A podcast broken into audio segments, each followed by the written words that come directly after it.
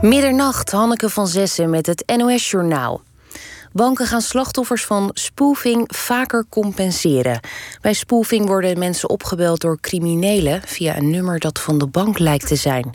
De oplichters zeggen dat er gevaar dreigt en dat er geld moet worden veiliggesteld op een andere rekening. Doordat de klant het geld zelf overmaakte, compenseerden de banken dat tot nu toe niet. Dat gaat veranderen. Minister Hoekstra van Financiën heeft daarover afspraken gemaakt met de vier grote banken. Een op de vijf gevangenen in de VS zijn sinds het begin van de pandemie positief getest op corona. Het gaat volgens persbureau AP om ruim een kwart miljoen mensen. 1700 van hen zijn eraan overleden. Amerikaanse gevangenen hebben vier keer zoveel kans om besmet te raken als de rest van de bevolking. Volgens experts zijn de cijfers het topje van de ijsberg. Gevangenen zouden nauwelijks worden getest en ook geen zorg krijgen, waardoor ze zieker worden dan nodig is.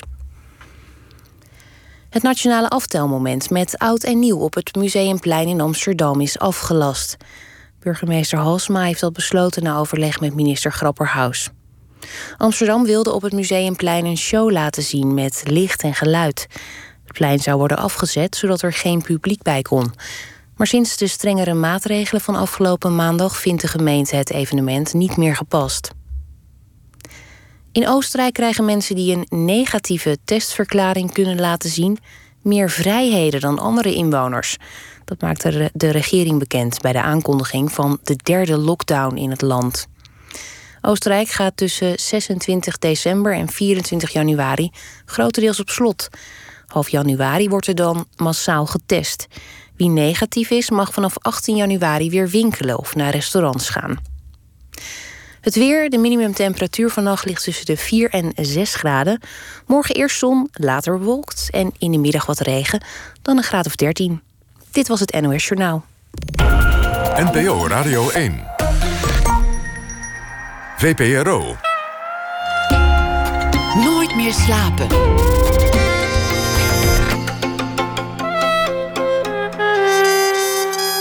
Met Atze de Vriezen. Goedenacht en welkom bij Nooit meer slapen. We naderen de langste nacht van het jaar. En dat is doorgaans een tijd waarin de schuldgevoelens hoogtij vieren. Te veel eten, te veel wijn, toch weer niet genoeg gedaan aan een beter klimaat dit jaar. En toch weer je moeder teleurgesteld door haar niet uit te nodigen op het kerstdiner. U kent het wel. En voor Janna Loontjes was kerst vorig jaar de start van een nieuwe essaybundel Schuldig.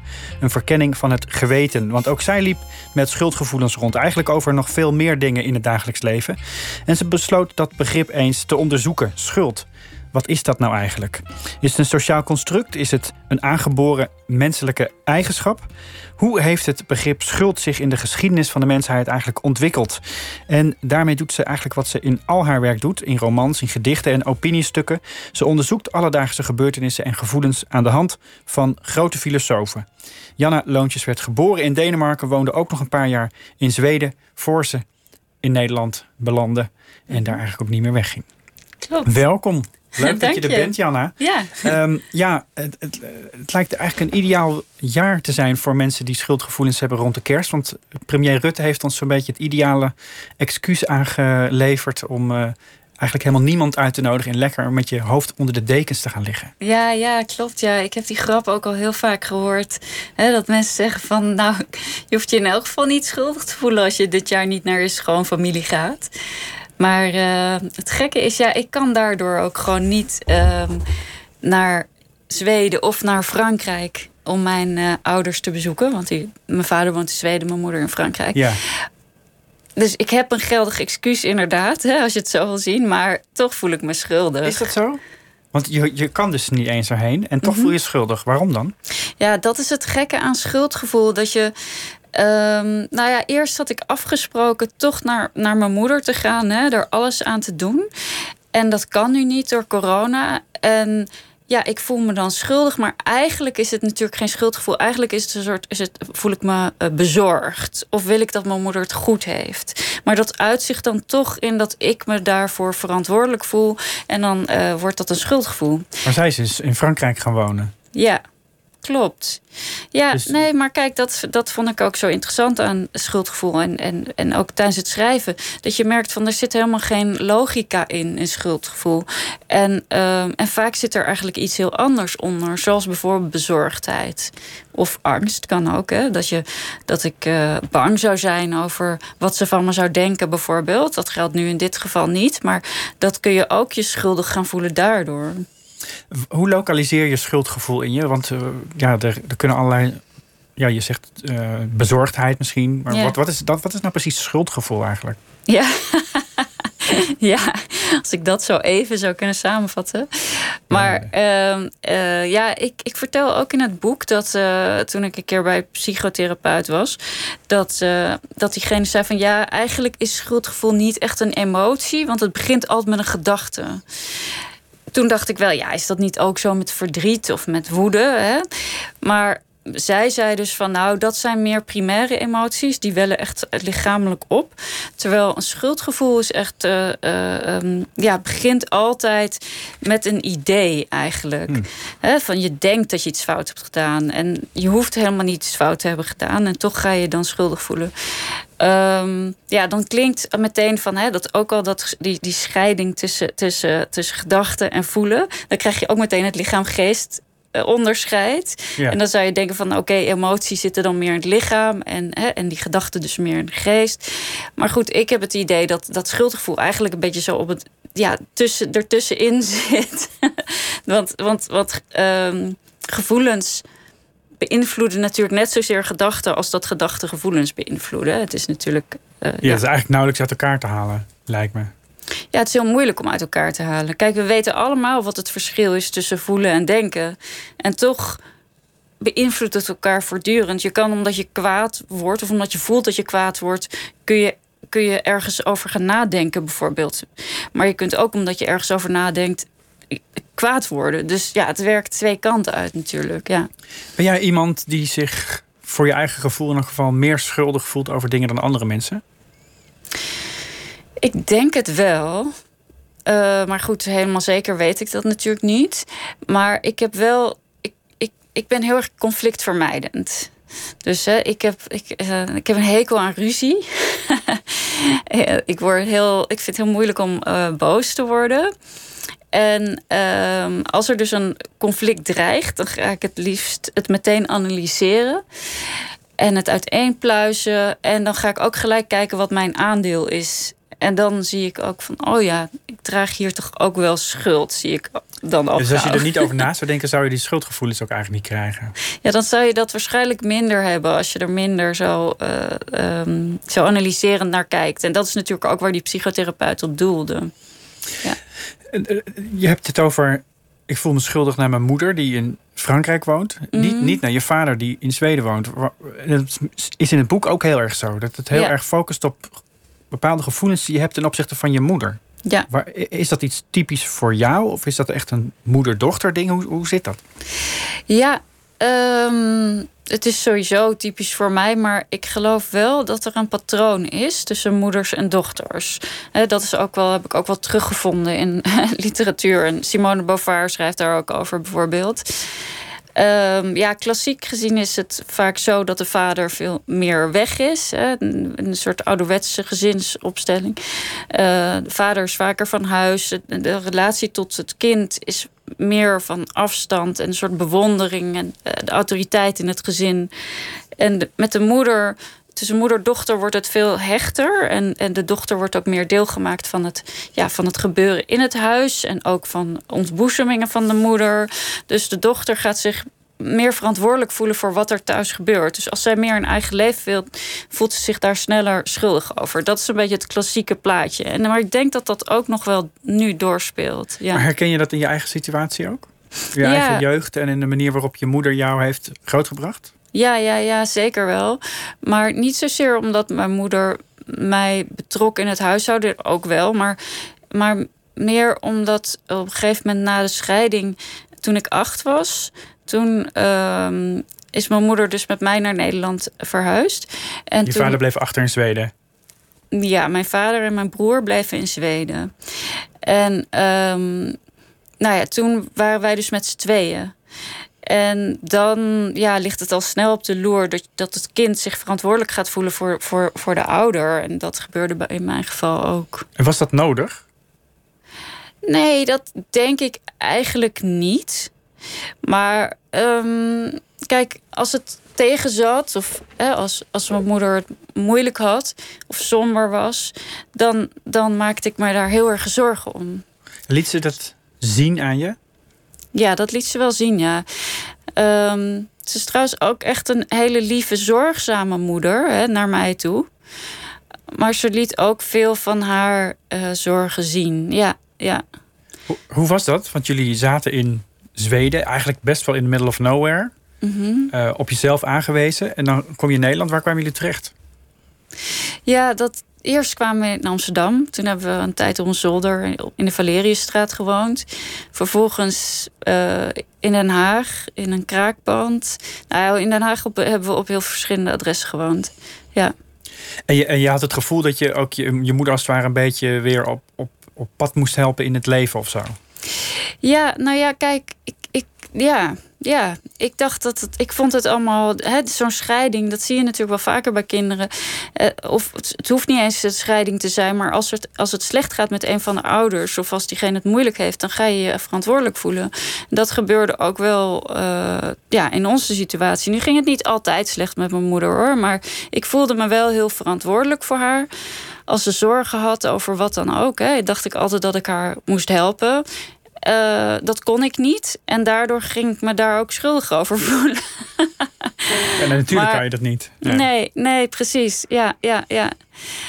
Um, en ik denk tegelijkertijd ook wel dat het een soort vluchten voor mijn eigen gevoel was. Die verhuizing, inderdaad, je zei het net al, we woonden in Zweden, woonden we in, in, in het bos, in de natuur. En dat vond ik echt zalig als kind. Ik, ik heb echt een heel idyllische kindertijd gehad in Zweden. En ik vond het een hele heftige overgang naar Nederland uh, in de stad. En um, ook twee keer van school gewisseld hier. En dat je zo'n. Ja, het was allemaal. Alles was anders voor mijn gevoel hier. En um, ik dus je denk, moest ook echt je eigen rol weer opnieuw gaan uitvinden van waar je, wat je positie nou eigenlijk was. Ja.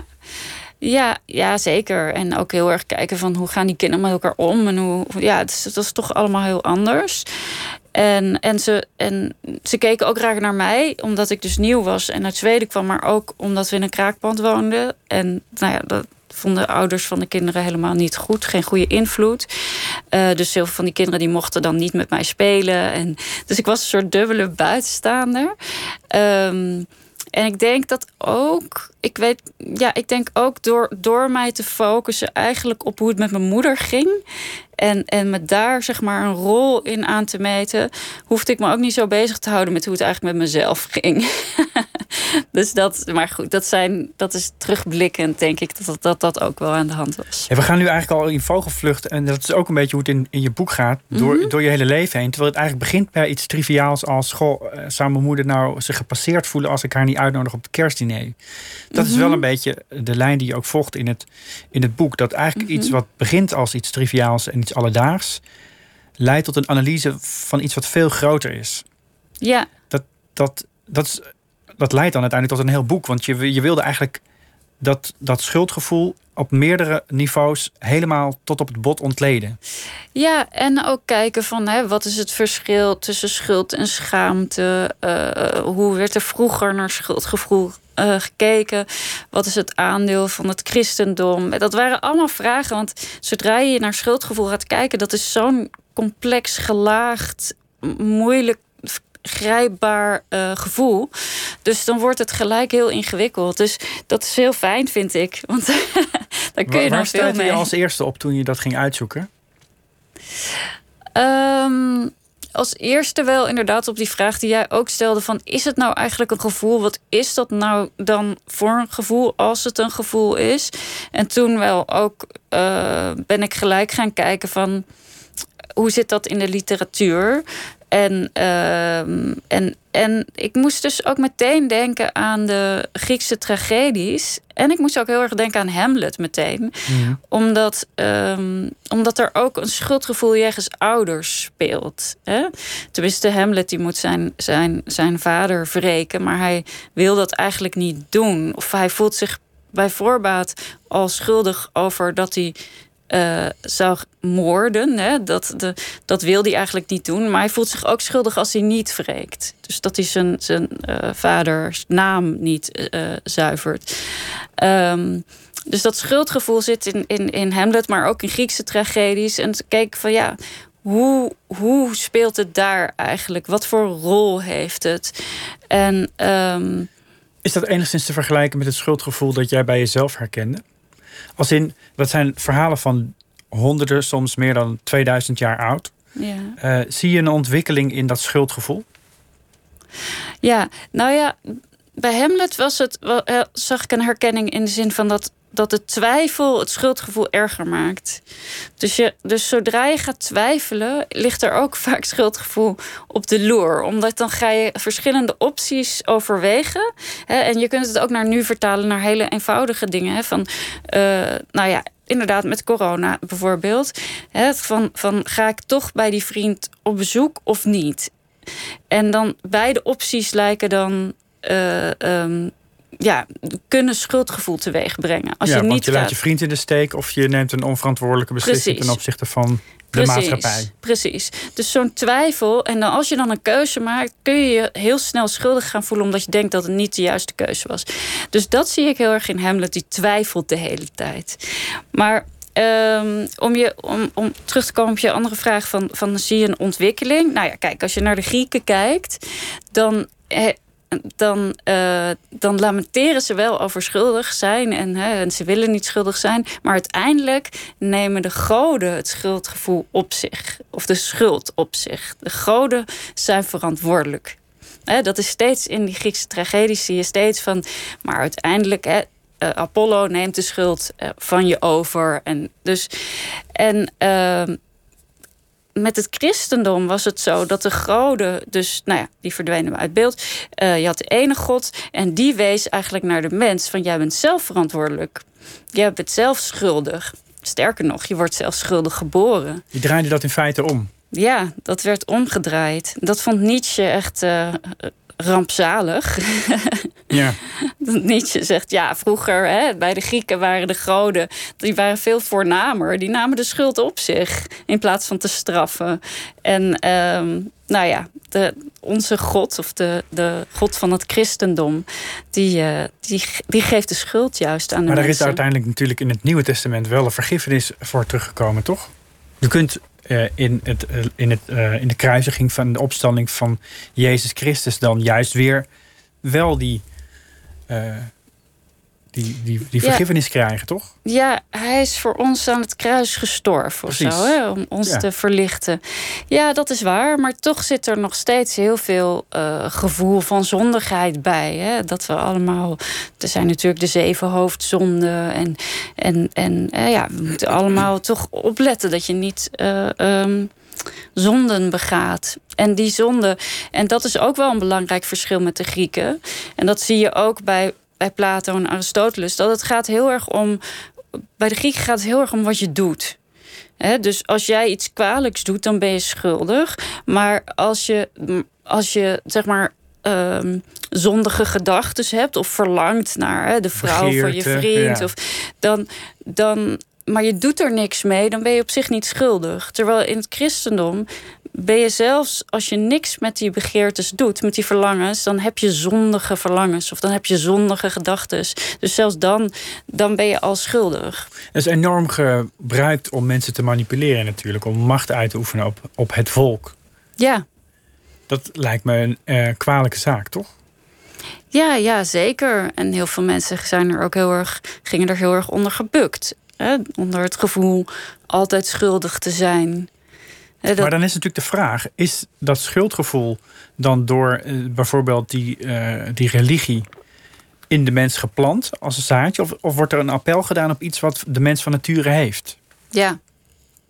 Ja, die vraag kun je natuurlijk nooit helemaal achterhalen. Maar ik denk dat we wel geboren worden met een uh, geweten. Filosofen hebben daar een idee over, toch? In elke generatie weer een ander idee misschien, maar. Ja, ja, zeker. Nou ja, Nietzsche die vindt dus dat het christendom dat geweten heeft veroorzaakt, of in elk geval vergroot.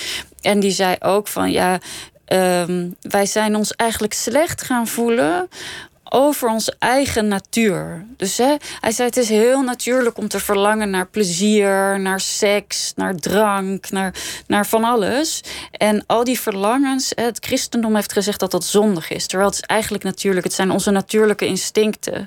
En dus hij heeft gezegd: van, van het christendom heeft het geweten heel erg verzwaard. Maar goed, je hebt ook filosofen zoals Kant, die ziet in, in het uh, geweten, ja, inderdaad, een soort aangeboren.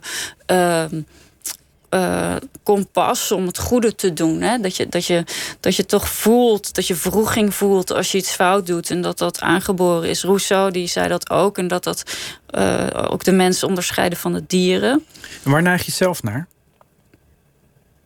Ik denk ook dat het, dat het aangeboren is, zeker. Maar het wordt wel natuurlijk door opvoeding hè, of cultuur, um, ofwel religieus onderwijs of wat dan ook, kan dat heel erg worden uitvergroot. En ik denk ook wel wat Nietzsche zegt dat het heel kwalijk kan zijn. Hè? Als je je de hele tijd schuldig voelt, dat is niet prettig.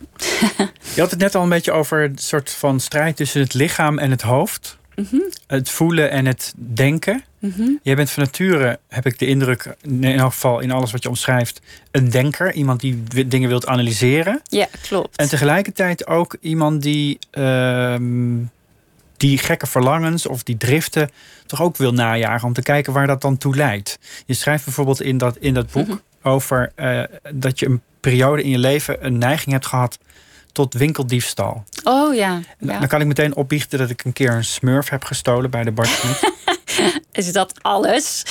Ja, twee. Ik voelde me er niet schuldig over. Dat, nee. dat zat een soort van. Ik wilde ook niks met dat ding. Maar nee. ik wilde het toch hebben. hebben. Ja. ja. En zoiets omschrijf jij eigenlijk ook. Dat je, dat je, dat je stal uit een soort drift. Niet zozeer omdat je iets per se nodig. Niet bij wijze van spreken kruimeltje die geen eten heeft. En dan mhm. maar een brood van de mhm. bakker meepikt. Maar gewoon een drift. Mm Ja, nu wil ik er wel even bij zeggen dat het in mijn tienertijd was. Mooie tijd om dat soort driften te hebben, toch? Ja, precies. Maar het was niet alleen een drift, het was ook een soort vorm van verzet of zo. Hè? En het was ook. tegen? Nou, het was ook het idee dat ik me verzette tegen het kapitalisme. Dus die smurf was overigens ook in mijn tienertijd hoor. Ja, ja, oké. Okay. Een verzet tegen het kapitalisme. Ja, ja, het ging ook, weet je wel, ook uh, afbreken van Mercedes-sterren. En, uh, um, ja, en altijd stelen van grote winkelketens. Dus nooit van de kleine kruidenier. Dus en wat, wat nam je dan mee? Oh jee. Ja, in het begin natuurlijk gewoon snoep. Dat was daar begonnen mee. Tuurlijk. En dan uh, van alles. Van alles. Het kon van alles zijn. Penties. Je, je, schrijft, je schrijft daarover omdat je eigenlijk wil laten zien dat je, dat je je niet schuldig voelde over iets waar je eigenlijk juridisch een grens over gaat. Ja, precies. Dat is natuurlijk een, een heel ander iets dan je moeder niet uitgenodigd hebben voor een kerstdiner. Ja. Je bent eigenlijk echt schuldig en je weet het ook. Ja. Je voelt het niet zo. Ja. ja, precies. Ik wilde kijken van hè, op welke momenten was ik dan inderdaad echt schuldig. En sowieso is juridische schuld is natuurlijk weer een heel apart hoofdstuk. Maar uh, ja, ik merkte dat zeg maar. Als je schuldig bent door overtreding van regels of wetten. Of, hè, of afspraken die je samen maakt in de maatschappij. Daar voel ik me minder schuldig over dan in een intermenselijke relatie, zeg maar. Hè? Van als ik zie dat ik iemand tekort doe, of, of, of dat denk dat ik iemand tekort doe, uh, dan voel ik me eerder schuldig. Um, ja. Is het dus... ook iets waar je, waar je mee opgevoed werd? Je zei je, je woonde een tijdje in kraakpanden. Dan, mm -hmm. Dat is een redelijk anticapitalistische omgeving. Ja, beslist. Ik werd daar heel erg mee opgevoed. Ja, ja dat was echt wel het idee van um, dat geld fout was. dus rijke mensen die moest je wantrouwen eigenlijk. Dus uh, ja, dat zat er wel in. Um, dus ik had, oh, oh ja, en, en we reden ook altijd zwart bijvoorbeeld. Hè. Dat was ook iets wat mijn moeder mij aanleerde. En dat kwam ook trouwens. Vanuit ook welke voort... gedachte kwam dat dan? Nou, dat kwam ook voort uit geldgebrek. Ja. En ook het idee dat, dat openbaar vervoer voor iedereen gratis moest zijn. Nu is het ook wel zo dat in de jaren tachtig was dat ook veel meer iets wat, uh, wat veel meer gedaan werd. Er werd veel meer zwart gereden. Hè? Het was niet zo uitzonderlijk of zo. En, en, ehm, en er was dus in de jaren tachtig ook echt zo'n... dat anticapitalistische gedachtegoed was ook heel sterk aanwezig. Dus dat heeft mij zeker... Uh, dat heb ik zeker meegekregen, ja. Dat heeft ook een rol gespeeld in, in dus dat ik me niet schuldig voelde. Ja. Voelde je eigenlijk thuis in zo'n kraakpand? Is dat, is dat, was dat voor jou een fijne plek om op te groeien? Um, ik vond het echt fantastisch, want het was een heel mooi pand. Het was, een, het was in Den Haag, toch? Het was in Den Haag, ja. Het was een villa in een hele dure wijk met mooie losstaande huizen. En um, wij hadden. op de een of andere manier leeg was komen te staan. Ja, die stond al heel lang leeg, klopt. En um, mijn moeder en ik hadden de bovenverdieping, de zolder. En er zat een heel grote tuin omheen. En ik vond het echt geweldig. En ik vond het ook wel heel stoer om in een kraakpand te wonen. Ja, ik vond het wel cool. Dus uh, op een gegeven moment zou het kraakpand ontruimd worden. En toen heb ik echt heel erg trots met zo'n krakersvlag, zo'n zwarte vlag met een witte bliksemschicht uit het raam gehangen. Uh, dus ja, ik, was het, ik vond het uh, heel leuk ja, als kind. Ik vond het avontuurlijk. Werd het ook ontruimd uiteindelijk? Ja, nou, uiteindelijk, dat is nog wel een apart verhaal. Maar uiteindelijk hebben ze dus, ze wilden gaan ontruimen. En we hadden het ook al, of tenminste, hè, ze hadden het al helemaal gebarricadeerd van binnen en zo. Maar uh, toen zijn ze gestopt, omdat ze dus hoorden dat er een kind binnen zat. En dat was jij? Ja. ja. Want hoe oud was je toen? Ja, toen was ik negen, denk ik. Ja. ja. Dat, dat is nog wel echt een kind. Het is niet 16 en bijna klaar voor de strijd, zullen we maar zeggen. Nee. En uh, toen heeft mijn moeder met de gemeente overlegd en zei van nou, we gaan er wel uit, maar dan moeten jullie ons wel uh, woonruimtes aanbieden. En, uh, en het mag geen, geen bedrijvenpand worden. Want je werd eigenlijk ingezet in de, in de onderhandeling. nou ja, het was wel handig natuurlijk. Ze kon daardoor dus inderdaad dat eisen stellen. Maar was je het enige kind in, dat, in, die, in die omgeving? Ja, in dat pand was ik het enige ja, kind. Je, je, je, zegt net, wij zaten op de bovenverdieping, dus daar woonden nog meer mensen. Ja, ja zeker. Ja, er woonden nog meer mensen, ja. ja. Het moet heel raar zijn geweest dat je dan op een gegeven moment in een andere setting dan ineens als rijke luiskindje gezien werd. Ja, klopt. Toen verhuisden we naar Scheveningen en kwamen we in een vissers, oude visserswijk. omgekeerde wereld. Ja, en daar ehm, daar was inderdaad dat die kinderen daar, die scholden mij uit. Of tenminste was voor hen uitschelden als, als rijke En dan gingen ze. Hoe kwamen ze daarbij dan? Want je was geen rijke luiskindje, toch? Nee, totaal niet. We leefden van een bijstandsuitkering, geloof ik. Maar uh, uh, nee, um, omdat wij anders spraken dan zij. Ik, ik sprak geen plat Haags.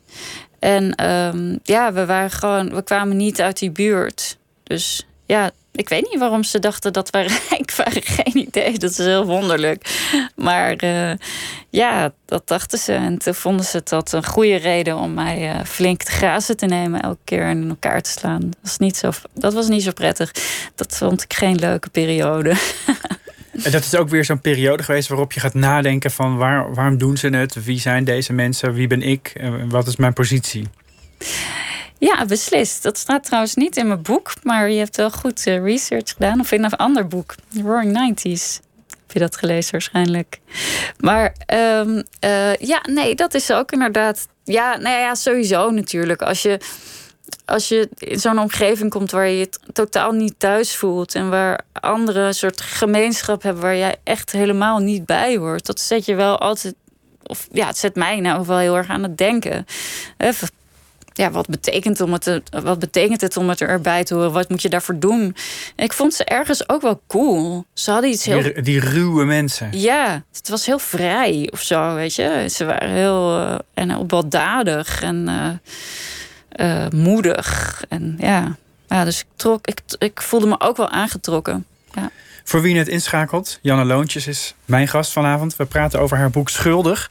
Over schuldgevoelens die ergens begonnen bij het uh, kerstfeest van vorig jaar. En we zijn inmiddels al uh, voorbij de winkeldiefstal. Die je overigens ook nog echt voor de rechter bracht.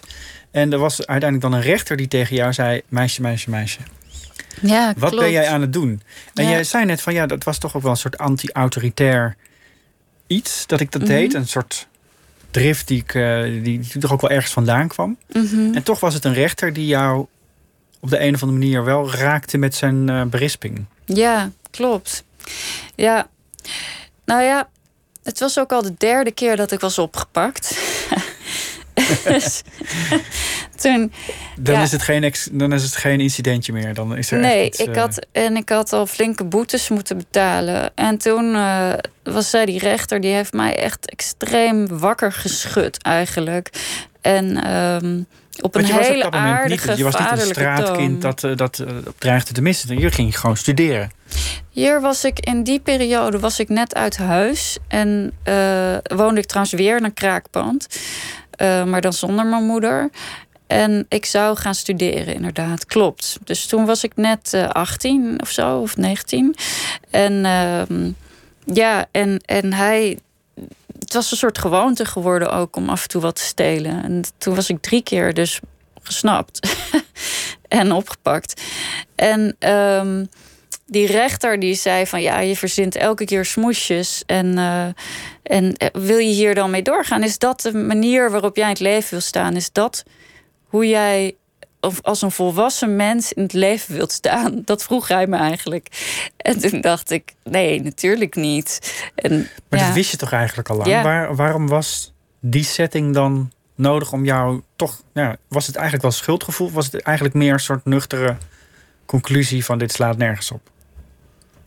Ik denk dat het meer het besef op dat moment was dat die, dat die, dat die regels waar ik dus altijd maar tegenaan schopte, wel degelijk ook mij aangingen. En dat ik ook en dat ze ook iets zeiden over wie ik was en wie ik zou zijn. En dat ik inderdaad de hele tijd me nog gedroeg als een recalcitrante puber. En dat het op een gegeven moment gewoon echt treurig wordt als je daarmee doorgaat als een volwassen persoon. ik denk dat ik dat. Ja, dat ik dat toch nog niet helemaal had ingezien totdat die rechter zo, mij zo toesprak.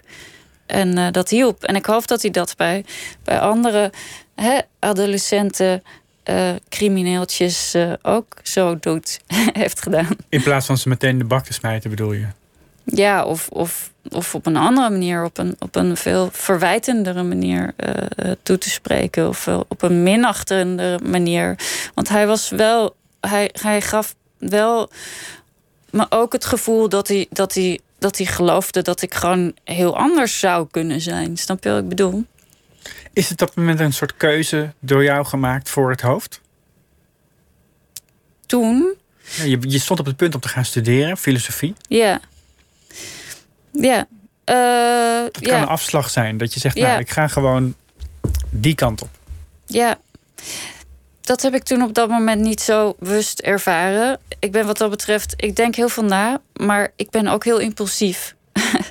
dus ook, want iedereen vraagt me altijd van ja, waarom ben je filosofie gaan studeren. En voor mij was het, ja, was, dat was gewoon het enige wat me interesseerde. Dus um, ja, ik heb het niet ervaren als nu neem ik een andere afslag of zo. Nee. Want je hebt natuurlijk filosofie en psychologie, dat ligt een beetje dicht bij elkaar. Maar je, vaak beginnen jouw verhalen als het ware je gedachten bij een psychologisch mm -hmm. uh, iets. Mm -hmm. En je, je abstraheert het naar iets wat eigenlijk uh, daar, daarboven hangt, als het ware. Nou ja, bij filosofie ga je kijken van wat bedoelen we eigenlijk met een bepaalde betekenis. Hè? Dus wat bedoelen we met schuld? Wat bedoelen we met schuldgevoel? Wat bedoelen we ermee als we willen, als je een goed mens wilt zijn? Bij psychologie ga je heel erg kijken van hoe werkt dat in de mens? Hoe, hoe, hoe, hoe zit dat? Uh, hè? Hoe gedraagt de mens zich? Dan ga je dus eigenlijk het, het, het gedrag van de mens analyseren. Terwijl bij filosofie ga je kijken wat betekent het? En hoe kun je dat op een andere manier misschien denken? Wordt er veel in de loop van de filosofiegeschiedenis expliciet over het begrip schuld geschreven? Of is dat iets wat je tussen de regels door moet? Ja, ik vond dat dus vinden? wel wat tegenvallen, inderdaad. Hè? Um, je zit natuurlijk wel bij rechtsfilosofie, wordt er heel veel over schuld geschreven. Maar dat was eigenlijk niet waar ik in geïnteresseerd was. Dus ik was eigenlijk geïnteresseerd in het schuldgevoel, waarbij het nog maar de vraag is of je echt schuldig bent. Ja, net hadden we het over winkeldiefstal. Dat is dus ook een apart hoofdstuk. Maar in de meeste hoofdstukken gaat het dus om schuldgevoelens die je eigenlijk bijna onterecht hebt. He, zoals ik beschrijf ook dat ik me schuldig voelde toen ik.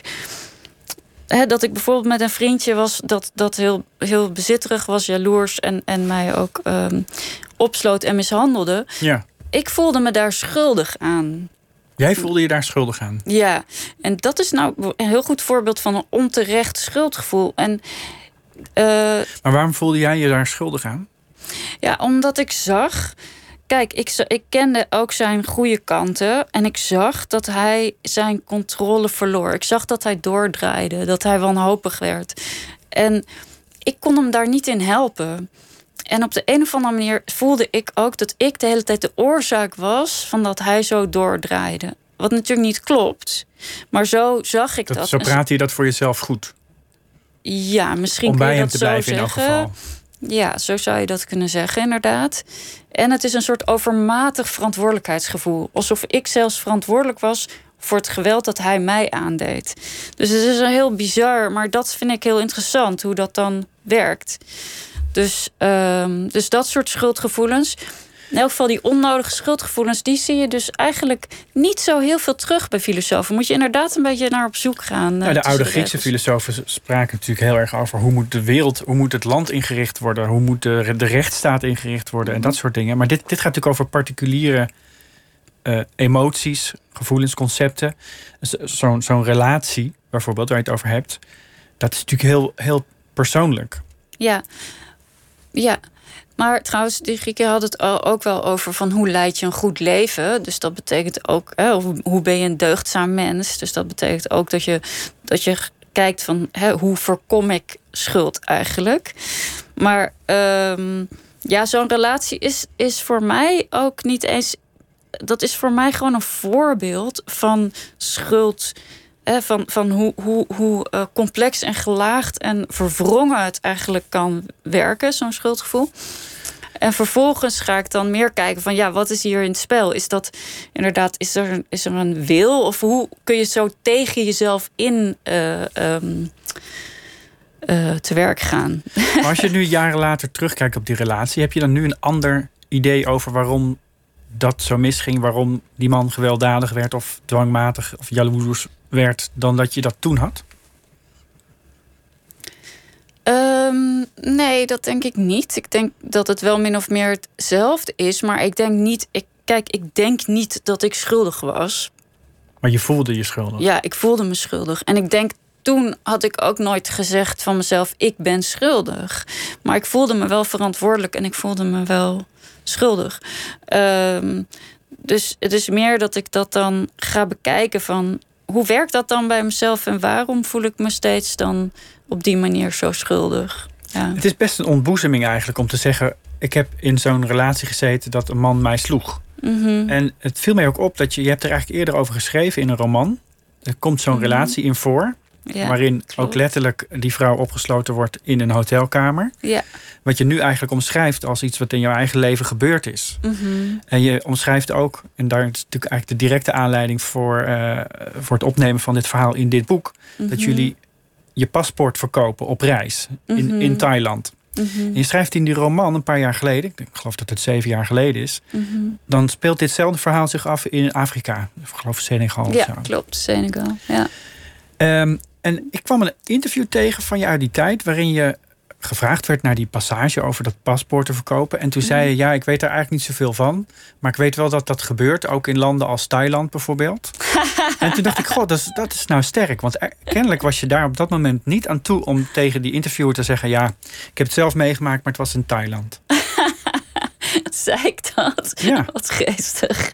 Wat was dat dan? Oh, ik heb het wel niet dat je, niet dat je niet het recht hebt om daarover te, te liegen, hoor. Dat, Nee, eh, maar ik heb het wel vaker verteld hoor, ook. Maar ik geloof dat ik er niet altijd zin in had. hmm. Ook omdat ik heb dat. Kijk, ik heb inderdaad. Ik heb dat verhaal inderdaad gebruikt voor die roman. Maar ik heb het ook heel erg veranderd in, in de roman, natuurlijk. Ehm, het gaat allemaal. Toch is het. Er zitten gelijkenissen. Er zijn veel gelijkenissen, maar er zijn ook heel veel verschillen. En, en ik heb het natuurlijk voor die personages. heb ik het ook veranderd. Hè? Dus het voelt voor mij niet alsof dat mijn ervaring is die ik in die roman heb beschreven. Mhm. Ehm, dus dat is natuurlijk, als je dan gelijk gaat zeggen: Ik heb dat meegemaakt, dan wordt het iets heel anders. Want ik had er echt iets anders van gemaakt. Ja. Voor dit boek heb ik wel mijn eigen ervaring beschreven. Omdat het dus inderdaad ging weer over die schuldvraag natuurlijk. Omdat dat ook iets is waarbij je duidelijk schuld draagt. Dus dan, dan vond ik het een, interessante, uh, een interessant moment om er echt naar terug te gaan, naar die werkelijkheid. Hoewel het echt een heel pijnlijk uh, hoofdstuk was hoor, voor mij om te schrijven. Ik vond het heel moeilijk om dat te schrijven. Ja, terwijl je het dus inderdaad al vaker over geschreven hebt. Maar dit, was het dan nu ja, maar... rauwer omdat je het echt vanuit je eigen perspectief ja. feitelijk probeert te reconstrueren? Ja, kijk, weet je wat het is? Die hele ervaring, die hele reis en die paspoortverkoop en, en de ellende waarin we terechtkwamen. Want het was ook niet zomaar dat we dachten van hé, hey, laten we ons paspoort verkopen. Het was wat gebeurde er? Nou, we hadden gewoon. Oké, hij werd heel erg paranoïde in, in Thailand. Ik denk ook door de malaria-pillen. Er hadden zware malaria-pillen. En hij durfde niet af te dingen. Dus hij gaf de hele tijd het eerste bedrag dat die mensen. Best wel een beetje wat je moet doen daar. Ja, je moet afdingen. Dus hij gaf daar veel meer geld uit dan we in Nederland zouden hebben uitgegeven. En het was voor de tijd van pinpas en zo. We hadden geen pinpas waarmee we in Thailand konden pinnen. Dus op een gegeven moment hadden we gewoon echt geen geld meer. Letterlijk geen geld. En we zaten ergens in Chiang Mai. En uh, toen was er dus een Indiase vrouw uh, in een restaurant, in een Indiaas restaurant, die tegen ons zei van hey, willen jullie je paspoorten verkopen? jullie kunnen er veel geld voor krijgen. Wat we uiteindelijk ook niet hebben gekregen. Zelfs dat niet. Nee. Het klonk, het klonk heel veel, maar dat bleek met die uh, currency. Uh... Nee, nee, nee. Wij zijn gewoon opgelicht. Ja, ja. Dus gewoon, uh, hebben daar bijna niks voor gekregen. Maar, maar er was dus enorme stress. Ja, je, dus je rolt in zo'n heel ellendige situatie.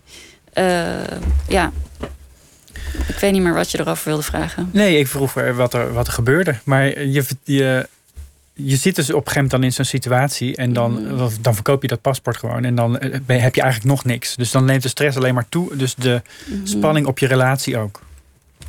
En dan ontstaat dus zo'n situatie dat er van alles gebeurt en dat jij je uiteindelijk daar schuldig over gaat voelen. Ja, vooral over wat er misging met hem. Ja. Ik voelde me verantwoordelijk voor hem. Ja, ja. Maar goed, ehm, ja, maar wat ik daarover wou zeggen nog is dat. dat, dat ehm, kijk, dit is zo'n zo'n verhaal van wat je zelf hebt meegemaakt. Ja, ik vond dat dus heel pijnlijk om, dat, om, dat, uh, om, om daar naar terug te gaan. Omdat je dan echt die herinneringen. Dan ga je echt kijken van wat gebeurde er nou echt eigenlijk. Terwijl Ehm, als je het zo oppervlakkig vertelt, is het gewoon een heel spannend. Uh, avonturenverhaal. En op die manier had ik het gebruikt voor mijn roman. Dus dan hoef ik eigenlijk helemaal niet echt erin te gaan van wat, wat er zo pijnlijk was. Ja. En dat heb ik dus je wel. Je juist de sensatie in feite ervan gebruiken, terwijl je nu ja, de achterliggende precies. beginselen moet uh, analyseren. Ja. ja. Waarom werd het toch een match eigenlijk? Want jullie, dat was een relatie die is ooit dat is ooit een match geworden. wat, een match geworden. Nou ja, ik weet niet. Ik ben, wat ik zei net al, ik ben wat dat betreft heel impulsief. En dit was dus ook allemaal in diezelfde soort periode hè, van dat winkeldiefstal en zo. Dit was toen ik 18 was. Ja. Dus ehm, eh, ik was jong.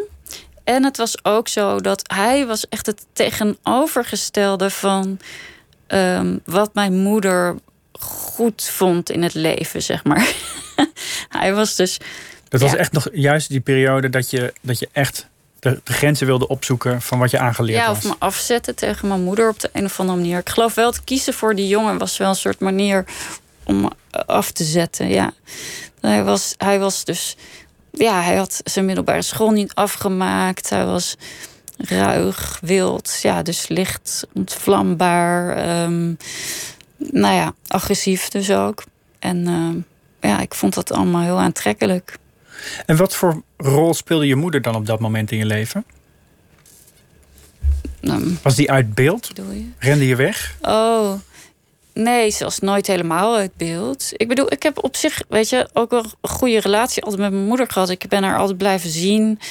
Um, maar ik, ik, ik, ik um, verborg wel heel veel ook voor haar. Dus ja. En, en, ook wel wat, en ook wat er gebeurde tussen mij en die jongen, dat vertelde ik natuurlijk niet. Totdat ze het ook gewoon kon zien. En ik blauwe plekken had. En, uh, ja. en daar verzon je dan eerst smoesjes over, want zo gaat het. Ja, precies. Ja. Ja, want je omschrijft ook dat je, dat je je schuldig voelde omdat je dan zijn imago zou besmeuren. Terwijl Ja. hij je gewoon sloeg. Ja, precies. Dat is toch, dat is toch fascinerend? Ja, dat vind ik dus ook Achteraf lijkt me dat fascinerend. vooral zo fascinerend. Ja, dat nee, dat maar terug- dat vind ik ook interessant inderdaad. Dat ik me dus zo'n zorgen om hem maakte eigenlijk. En dat ik niet wilde dat mensen slecht over hem dachten. Terwijl eigenlijk wat, waar, wat dan de reden zou zijn dat ze slecht over hem zouden denken, was precies ja, een goede reden eigenlijk hè, om hem te veroordelen. Want ja, hij sloeg mij en sloot me op. Ja. Wat me nou zo interessant lijkt, is je, het, vo- het voelt alsof je wel een vrije jeugd hebt gehad. Hè? Zeker. Van hot naar her gesleept, eh, in the middle of nowhere gewoond, in een grote Mhm. stad, in een kraakpand waar de regels eh, van de maatschappij niet nageleefd worden, waar je autoriteit mag trotseren. Ehm, het, tegelijkertijd lijkt me dat dan ook wel weer ingewikkeld op het moment dat je uit wil proberen te, proberen te vinden wie je dan zelf bent. Ik moet even terugdenken aan, aan, de, eh, eh, aan de religies waarin bepaalde schuldgevoelens misschien worden gebruikt om je te manipuleren. Mhm. Maar dat maakt het op de een of andere manier ook wel weer duidelijk of zo. Ja, ik heb de indruk ook als ik naar jouw romans kijk en de verhalen die je schrijft in, in, in, in, in, de, in de boeken, Mhm. dat je ook heel vaak schrijft over moderne, eh, seculiere mensen. Mensen die niet ge- geknecht worden door het christendom bijvoorbeeld, of een andere Mhm. vorm van orthodoxie, wat voor vorm dan ook. Mhm. En die echt enorm bezig zijn met uit te vinden van ja, maar wat dan wel? Ja, ja, ja. Ja, het zijn wel altijd zoekende zielen, zeg maar. Ja. Ja, nee, zeker. Maar dat vind ik ook interessant. Ja. Ja. Maar goed. Ja, ik wilde net nog iets zeggen, maar nu ben ik het kwijt. Over. Waarover? Net. Over- Eh, ja, je had het over vrije opvoeding en... ehm, Trotseren van, ehm, van het gezag. Ja, nou ja, ik weet het niet meer, sorry. Maar is dat, dat, is dat een generatie-ding? Dat denk ik namelijk wel. Dat er mensen die. We zijn van de verzuiling af. We zijn, er zijn heel veel mensen die zich niet meer religieus noemen. Maar Mhm. die moeten natuurlijk op zoek gaan naar een nieuw soort zingeving. En jij grijpt bijvoorbeeld natuurlijk eeuwen terug soms om die zingeving te vinden. Mhm. En werkt dat met ideeën van drie, vier, vijf duizend jaar oud? Ja. Ja, dat is wel een goede vraag. Dat, dat, dat, dat weet ik niet of dat werkt. Maar inderdaad, ik vind het inderdaad fascinerend dat mensen nu vaak op zoek zijn naar hè, een soort van houvast. En ehm, dat zoekende interesseert mij. En voor mij helpt het dan inderdaad om te gaan om, om in de filosofie te kijken. En, en ehm, eh, niet zozeer heel lang geleden. Ik vind bijvoorbeeld Hannah Arendt is een van de filosofen die ik heel erg goed vind. En die geeft ook houvast, ook in de zin van na te denken over hoe onze maatschappij werkt, hoe we daarin staan. Dus ehm, voor mij werkt het heel verhelderend om, ja, om een soort daar, daar een soort eh, zicht op te hebben van bovenaf. Dat je het gevoel hebt dat je dat kunt eh, eh, begrijpen. Ja. Ik heb ook altijd wel het idee dat de geschiedenis van de filosofie. anders dan bijvoorbeeld. Kijk, je hebt het in de Bijbel het verhaal van Mozes die van de berg komt met de tien geboden. Mhm. Waarop staat hoe het moet. Mhm. En die staan letterlijk in steen gegrift. En dat is hoe het is. Mhm. En de geschiedenis van de filosofie door de eeuwen heen lijkt meer een soort gesprek. Iemand formuleert een idee. En vervolgens komt er misschien wel een eeuw later of vijftig jaar later iemand die zegt van ja, maar daarmee is dit probleem nog niet opgelost. We moeten daar anders over nadenken, want anders dan, dan kunnen we het niet sluitend krijgen. En zo is er een soort gesprek gaande gedurende de eeuwen dat steeds verder gaat als het ware. Ja, Dat is wel interessant is aan, de, aan de geschiedenis van de filosofie, vind ik. ja, dat is waar. Je hebt natuurlijk de hele tijd. De ene filosoof reageert op de andere. Maar wat bij filosofie ook belangrijk is, is dat je. Filosofen zijn natuurlijk zoekende. Maar uiteindelijk gaat het niet zozeer om de antwoorden. Het gaat om de vragen. Het gaat om steeds weer opnieuw de vraag: hoe kunnen we dit denken? Of hoe kunnen we dit anders denken? Of hoe kunnen we dit begrijpen? Ehm, en dat maakt het ook tot filosofie. Want als je uiteindelijk, als je zeg maar een helder antwoord hebt en zegt van oké, zo zit het, dan kom je eigenlijk uit bij religie of wetenschap. Maar de filosofie blijft dus doorvragen. En ik vind dat heel prettig. En wat is de invloed van de enorme versnelling van informatie die we de afgelopen 10, 20 jaar hebben gehad met het internet op de filosofie? Want we hebben natuurlijk eeuwenlang wordt er al nagedacht over concepten als liefde, schuld, Mhm. eh, al, al- alles wat, wat maar belangrijk is in het leven. Mhm. Maar nu gaan we een enorme versnelling tegemoet. Daar zitten we eigenlijk al in. Ja, nou ja, daar wordt natuurlijk ook over nagedacht in de filosofie. Sowieso, hè, van wat, wat betekent kennis? Wat betekent het om, om, om dus inderdaad eh, kennis paraat te hebben online? Eh, ja, dat beïnvloedt ook de manier waarop je denkt. Eh, dus dat, ja, daar wordt heel veel ook over gefilosofeerd. Maar jij schrijft bijvoorbeeld over social media in een van je romans Mhm. als een soort van afleiding van waar het daadwerkelijk om gaat. Ah. Iemands leven wordt volledig ontwricht door een soort van fling met een, Online. met een online persoon die niet eens in dezelfde kant van de wereld woont. Ja. Maar die eigenlijk ont, ontwrichtend is voor het gezin waarin die hoofdpersoon probeert te functioneren. Nou, wat ik vond toen, toen ik daar, ja, voor die, voor die roman misschien wel niet, eh, vond ik het heel interessant om te onderzoeken van wat betekent het als je online verliefd wordt. En als je denkt ook dat je iemand heel goed leert kennen, vooral door tekstberichten. Sowieso is dat natuurlijk iets aparts, hè, hoe dat werkt. Het, het, eh, met, met WhatsApp. Of, hè, dat je, dat je, soms zit ik heel hard te lachen en dan heeft iemand het helemaal niet als een grap bedoeld, bijvoorbeeld.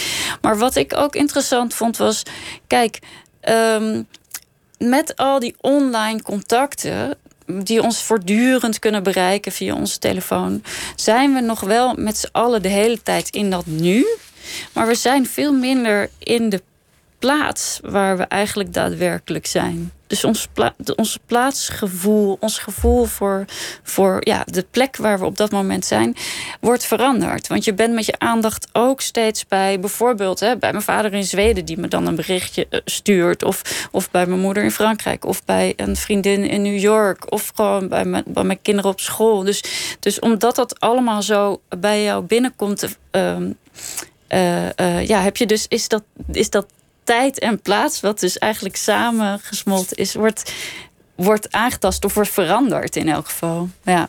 De belangrijkste, of in elk geval moeilijkste hoofdstukken in dit boek eh, over, over je eigen leven gaan dus over een bepaalde periode. Mhm. Eind tienerjaren, begin twintig. Dat, zijn, dat is natuurlijk een vormende tijd in ieders leven. Mhm. Maar kennelijk voor jou ook wel een moment waar de, de meeste en sterkste schuldgevoelens kwamen kijken. Is dat veranderd naarmate je volwassener wordt? Nee, ik heb dus nog steeds heel sterke schuldgevoelens. En ik merkte ook dat toen ik kinderen kreeg, toen was ook het eerste eh, gevoel dat ik ervoor naast natuurlijk gelukzaligheid en blijdschap dat ik een dochter had die gezond was, ook een immens schuldgevoel. Omdat Echt ik waar? dacht, ja, ik dacht, nou, ik kan nooit. Eh, ik, ik zal altijd tekortschieten. Ik bedoel, je voelt die immense verantwoordelijkheid voor een leven van een ander mens. en dat je dat zeg maar moet dragen en een goede banen moet leiden. Ja, dat vond ik zo'n immense opdracht dat, dat ik dacht, dat ga ik me nooit helemaal goed eh, lukken. Ja. Is dat gevoel gebleven? Nee, het is nu wel minder. Ja, het is minder. Maar ook, ik bedoel, je kent het zelf ook. Je hebt zelf ook kinderen. Als ze klein zijn en ze roepen de hele tijd... mama, mama, mama. En de momenten dat je nee zegt of het niet aankomt... of denkt, ik laat me met rust. dan voelde ik meteen schuldgevoel. Want dacht ik, ja, dat eigenlijk moet ik er zijn. Voor, hè, op, Je bent wel de reden dat ze op deze wereld zijn. Je hebt ervoor getekend. ja. Ja. Maar wat heeft dat dan veranderd? Wat, wat maakt dat dan dat, dat die schuldgevoelens toch minder worden? Omdat ze nu zelfstandiger zijn. Dus de kinderen zijn nu Gaat losser. het goed en met ze, zodra, zolang het goed met ze gaat, je ziet dat ze zich goed ontwikkelen, dan Nou ja, ze zijn nu ook gewoon groter. Ze zijn nu 13 en 16 en ze zijn nu ze zijn meer zelfstandige individuen geworden, waarvoor ik niet de volle verantwoordelijkheid draag. Dus ehm, dan wordt het ook minder. En ik kan nu ook, ja, als je, nou ja, goed, als kinderen heel klein zijn, dan voel je je gewoon op een andere manier verantwoordelijk. Ook in het begin natuurlijk, zelfs fysiek. Hè, dan moet je dragen en, en voeren en voeden. En, ja. Dat is eigenlijk een soort variant op de erfzonde. Je bent meteen schuldig zodra dat kind geboren wordt. Ja, ja, precies. Ja, andersom, hè, dat, is- dat Heidegger die schrijft dat volgens mij, is dat, je, dat, dat het kind staat natuurlijk eigenlijk altijd in het krijt bij de ouders. Hè, omdat je zomaar het leven hebt gekregen. Je krijgt alles. Je Ja, krijgt het leven, je krijgt Ja. eten, je krijgt... ja, je hebt er niks voor hoeven doen. En uh, je krijgt het zomaar. Ja, ik kan me ook nog wel voorstellen dat je misschien als kind daar dan weer schuldgevoel. Daar, daar schrijf je overigens niet over. Hè? Dat, dat, dat een kind natuurlijk ook schuldgevoelens kan krijgen over de, de gratuïteit waarmee hij dat allemaal aangenomen heeft. Jawel, daar schrijf ik ook over. Ja, ook naar aanleiding van Heidegger. En ook hè, de vraag, ook bijvoorbeeld. Ehm, wij, ik, ik ben in Kopenhagen geboren. Nou ja, goed, als je in Nederland wordt geboren ook dan word je niet alleen zomaar, krijg je niet zomaar het leven, maar je krijgt, wordt ook in welvaart geboren. Waar heb je dat aan te danken? Waarom word, word, ben ik niet bijvoorbeeld in een, in een arm land of in een oorlogsgebied geboren? Dan heb je een hele andere situatie. Dus je kunt je ook al schuldig gaan voelen over dat je het eigenlijk op een relatief goede plek wordt geboren. Dat onrecht, dat eigenlijk heel willekeurig is, dat waar, waar mensen op welke plek ze geboren worden, daar kun je ook een schuldgevoel over uh, ontwikkelen. Je zou kunnen zeggen, een heleboel van deze schuldgevoelens die zijn gewoon eigenlijk onterecht. Want je, je kunt niet schuldig zijn aan het je best doen. Als je je best doet als ouder, dan, dan is dat goed genoeg. Je kunt er niks aan doen dat jij in Nederland bent geboren, of in jouw geval in Denemarken, waar je het goed hebt. Dus dat is een onzinnig schuldgevoel. juist die, die onzinnige schuldgevoelens juist zo interessant. En daar gaat het ook heel veel over in het boek.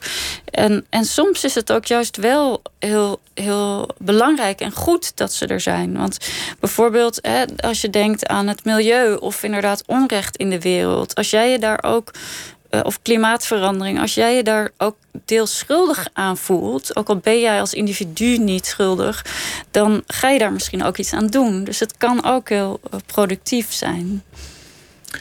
En maakt dat dan, ja, dat, dat bepaalt je karakter natuurlijk. Of je mhm. bepaalt ook je daden of je schuldgevoel goed, goed ontwikkeld is eigenlijk. En er is natuurlijk een soort balans tussen een, een gezond ontwikkeld schuldgevoel en een abnormaal ja, Zeker, zeker. Ja, als het. Uh, ik geloof dat Winnicott dat schrijft, de psychoanalist. Dat, dat, dat het eigenlijk als je je eigen aandeel kunt zien, hè, je eigen schuld in een situatie, dat is gezond en dat is volwassen. Maar als het, als het zo ver doorgaat dat je angstig bent voor de reactie van de ander. En dat je je altijd als schuldig voelt. Hè? Alleen al als de ander zeg maar, mogelijk jou iets verwijt. Terwijl het misschien wel onterecht is. En dat je dan meteen schuldig voelt. Dan wordt het ongezond. Je schrijft uh, hier heel veel over. Dus ook in de relatie met je moeder. Uh-huh. En je omschrijft het ook wel heel nadrukkelijk. Dat zij ook daar aanleiding toe gaf. Als een soort een soort slachtofferopstelling ook wel. Die een soort doorheen schemerde. wat, mhm. wat vindt je moeder van dit boek? ja, ze vond het heel pijnlijk. Ehm, wat ik ook wel begrijp. Ehm, maar ze, ja, ze weet dat ik schrijver ben. En, uh, en uh, ja, als, als schrijver, ja, voor mij is dit mijn manier om dat te onderzoeken. En het gaat inderdaad wel over mijn relatie tot mijn moeder, maar het gaat vooral over mezelf. En dat kan zij ook wel zien. Dus ja. Dus het moet maar. Het is voor een hoger doel. Die, die analyse moet er komen. Ja, precies. nou ja, dat is natuurlijk wel, uh, wel een keuze. En het zou ook kunnen betekenen dat het weer tot nieuwe schuldgevoelens leidt. Maar dat is kennelijk niet zo. Jawel, ik voel me er wel schuldig over.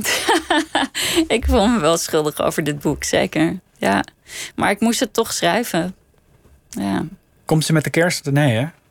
nou, ik had me dus echt helemaal voorgenomen, zeker dit jaar naar Frankrijk te gaan. Maar het lukt gewoon niet, want eh, ja, het is een negatief reisadvies. En het is ook riskant om met de kinderen daarheen te gaan. Ja.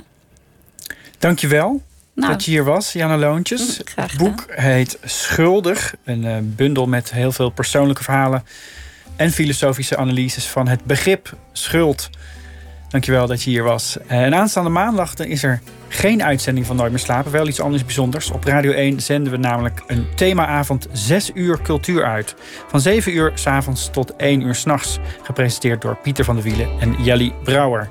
En vanuit het initiatief Every Brilliant Song eh, van het Nationale Theater maken we samen met jou, de luisteraar, een afspeellijst met uh, muziek die roert, beweegt en verstilt. Maar vooral muziek die relativeert en troost. Dus stuur je keuze in met uh, bijbehorend verhaaltje naar 6 uur cultuur.radio1.nl. Maandag laten we aan het einde van 6 uur cultuur horen, nummer, horen welk nummer het meest is genoemd. Een hele goede nacht.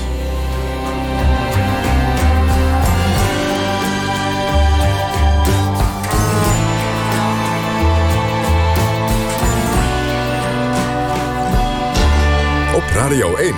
Het nieuws van alle kanten.